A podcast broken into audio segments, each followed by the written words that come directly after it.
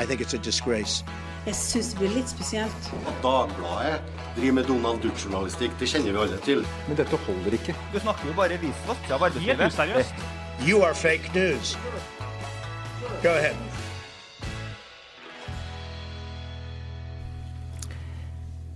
Vinteren 2016 fikk den råspreke trebarnsmoren, langrennstreneren og skismøreren Toril Stokkebø alvorlig nyrekreft med spredning.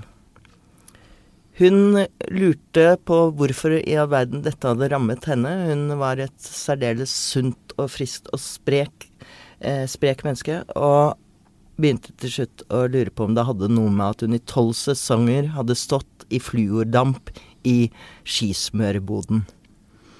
Og dette viste seg at det var flere som hadde mistanke om en slik sammenheng. Og Bernt Jakob Oksnes, du brettet ut denne historien i magasinet sist helg, og den har til nå hatt uh, en fantastisk oppmerksomhet. Og du kaller det rett og slett en liten smøreskandale. Hva handler dette om?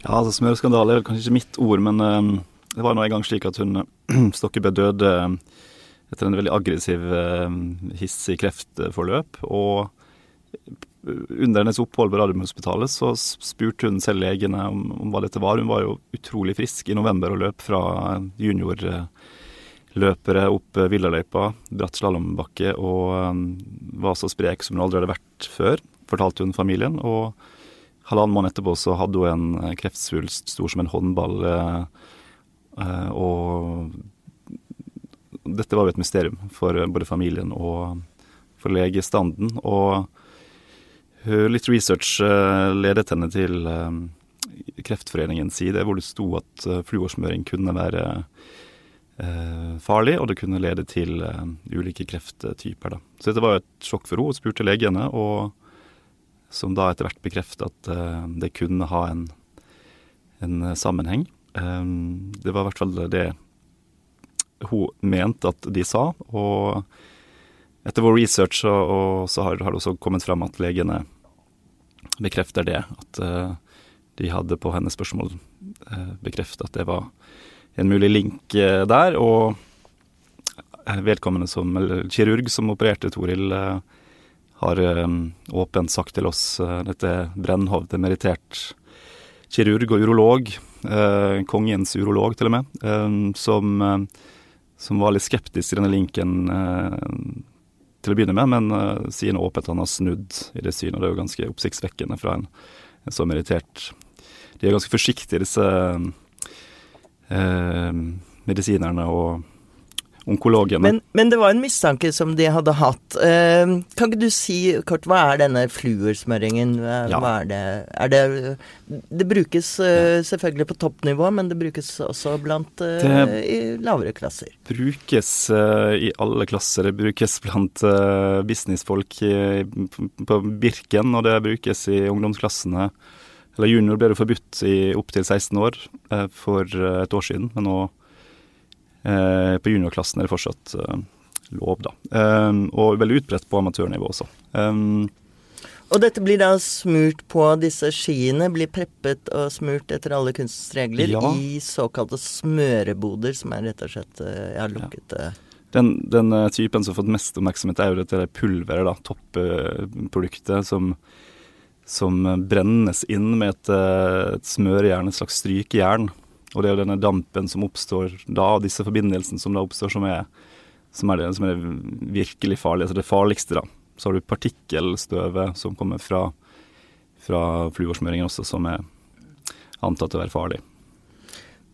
Legene gir de en forklaring på hvorfor de ikke har eh, har oppdaget denne forbindelsen tidligere. Altså De hadde mistanke om det, men de hadde altså ikke dykket noe ned i det. Mm. Egentlig før denne saken eh, for så vidt presset det frem. Ja, det er et veldig upløyd uh, marked. Det må også nevnes at, at uh, disse p-fluorerte stoffene som finnes i skismøring, det er jo veldig utbredt i alle, alle mulige slags forbruksvarer. Det er jo syntetiske Eh, varer som altså Gore-Tex, teflonpanner det er også, Så skismøringsdelen av, av denne industrien er jo ganske marginal, men men like fullt så, så angår det veldig mange folk i Norge.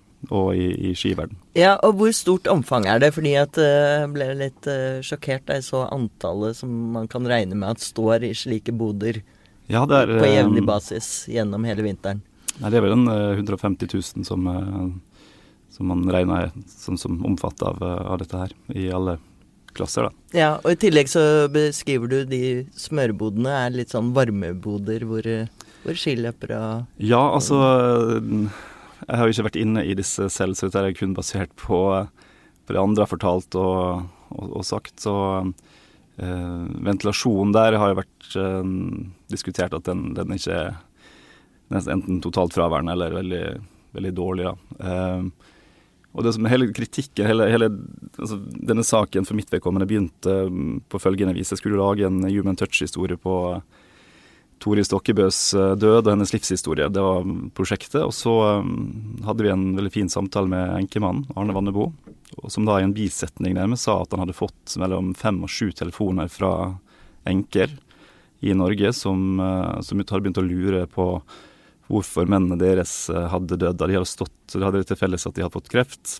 og hadde stått i smørbua i titalls år for barna sine.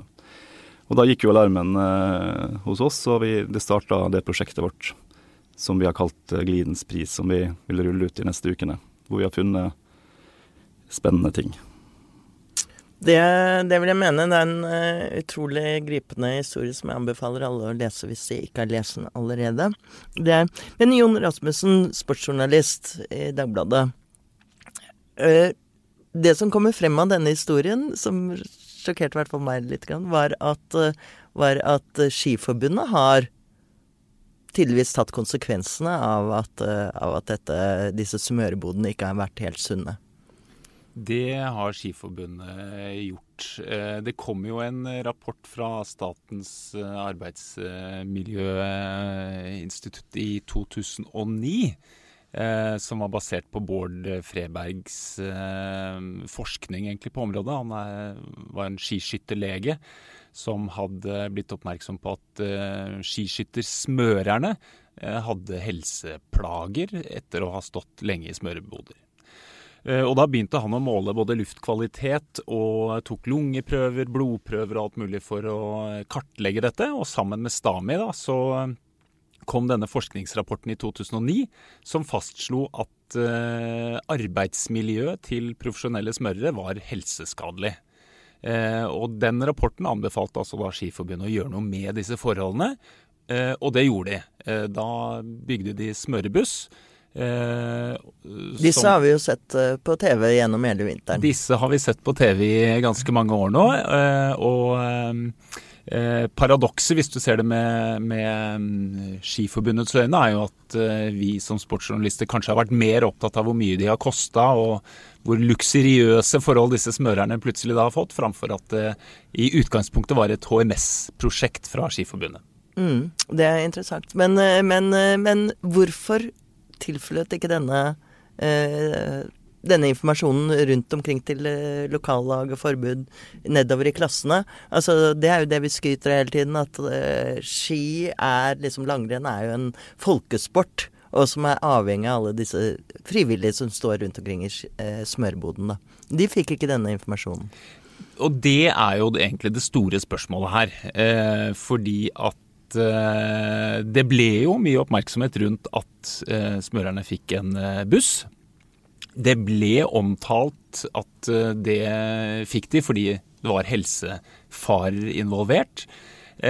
men derfra og ut til grasrota, og at disse helsefarene også kunne gjelde for amatører, der kan det i hvert fall tilsynelatende virke som om det er noen hull. Eh, og så eh, er faktum det at det er veldig veldig mange der ute i eh, Ski-Norge som mener at de har fått ingen eller altfor dårlig informasjon om dette, mens Skiforbundet eh, nok vil si at eh, fra og med 2009 i hvert fall, og kanskje også før, så har dette vært tema på smørekurs og trenersamlinger og de møtene som de har hatt. Men, eh, men, det har tydeligvis ikke vært eh, godt nok. Mm. Bernt Jakob, da du snakket med eh, pårørende og de som kjente Tore Stokkebø, fikk fikk noe inntrykk av at de hadde diskutert denne smøringen? For den er jo veldig kostbar, veldig utbredt. Eh. Fra et sånt foreldreperspektiv så, så er det, det, det, som går igjen, det er jo at uh, dette er, er veldig uh, dyre saker. Um, koster vel 1500 kroner for 30 gram, og, og det er veldig kostbart. og det, Debatten har så gått på om det skaper et klasseskille mellom de, de rike og de mer de som, som, som, ikke har så mye penger. Um, og um, det var mer sann debatten i, i, det miljøet gikk. Det var sånn at enkemannen Vannebo fortalte meg at uh, Eller var det dattera fortalte meg at uh, hun skulle Det var et kretsmesterskap i Holmenkollen, og hun uh, lå likt med sin konkurrent eh, når det var noen få hundre meter igjen. Og på toppen av gratishaugen og ned til mål, så er ikke det eh, så mye så, så, mye igjen. Men eh, hun hadde også tapt 30 sekunder fra strekningen før gratishaugen og, og, i mål. Da. Og det var veldig merkelig for eh, de involverte, og, og, og så kom det fram at det var en far som hadde vært i Japan og fått tak i et av disse her fluorproduktene med seg hjem fra jobbreise og hadde brukt det. og Det var også forklaringen. Og etter det, som visstnok var i rundt 2008-2009, så skulle alle i denne klassen Dette var jo da det var jo barn på 12-13 år, ikke sant. Så det ble et, eh, et kappløp, og um, alle foreldre vil jo gi barna de beste forutsetningene ja, fordi for Toril Stokkebø var jo skeptisk egentlig av den grunn at hun syntes at det var litt sånn jålete og kostbart å bruke mye penger på det. Men så var det rett og slett fant han ut at hvis man skal drive på det nivået, så må man, må man bruke det for å konkurrere på likt nivå. Det ville at, at barna i hvert fall ikke skulle ha noe dårligere ski enn de andre. Det er fordi det har blitt fortalt fra familien at det var det. Men eh, som mannen sier, da, da begynte det racet, sa han. Uh, og det, det, det, er virkelig et, eh, et, et race i, i, de ungdomsklassene. Um, jeg tror nok mange fikk seg en støkk da de åpnet magasinet på lørdag. Og dette er jo en Dette er noe som kanskje rammer mange. men hvor vil dette lede hen? Jon Rasmussen, tror du det nå blir et lite oppgjør i Skiforbundet? Eh, nå skal ikke jeg foregripe hva de kommer til å gjøre i Skiforbundet eller ikke. Eh, og det er klart at fluordebatten den har jo gått eh, i noen år nå. Eh, det som i og for seg kulminerte med det fluorforbudet i, eh, i barneklassene i fjor, som er videreført også neste sesong. Eh, og hvor det leder etter det, det, det, skal bli veldig spennende å se. det er i hvert fall helt klart at eh, både skismørning og fluor og alt mulig, det engasjerer voldsomt. Altså, jeg tror skismørning må være det temaet som, som, engasjerer flest idrettsinteresserte mennesker i Norge, i hvert fall. Eh, så, så, at dette forhåpentligvis blir snakket om og eh, vurdert, og hva man enn ender på med konklusjoner blir gjort på Eh, et grunnlag som vi forhåpentligvis kan bidra mer til i de neste ukene, det, det håper jeg. Så kan jeg legge til at disse fluorstoffene som er i skismøring er veldig debatterte i hele forskerverdenen og i USA så er det oppe i Kongressen, og det er milliardsøksmål, eh, folk som har jobba i denne fluorindustrien. Eh, dette har jo vært vidunderprodukter som har vært veldig vann- og, og smussavstøtende. Det er derfor eh, det gir en, en, så veldig glid under gitte forhold.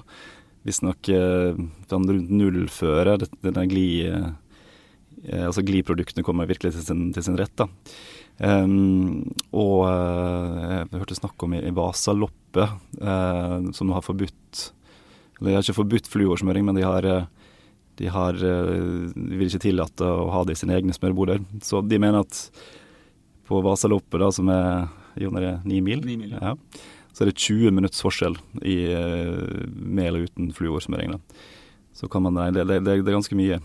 Men glidens pris kan være høy, som dere nå har dokumentert. Den kan være veldig høy. mm. Eh, jeg eh, er spent på fortsettelsen av dette. her. Dere har eh, bare så, så, vidt begynt, forstår jeg, så her gjelder det å følge med. Men en gripende og veldig interessant historie om Toril Stokkebø i Lørdagens Magasinet. Takk for at dere hørte på en ekstra bonuspod.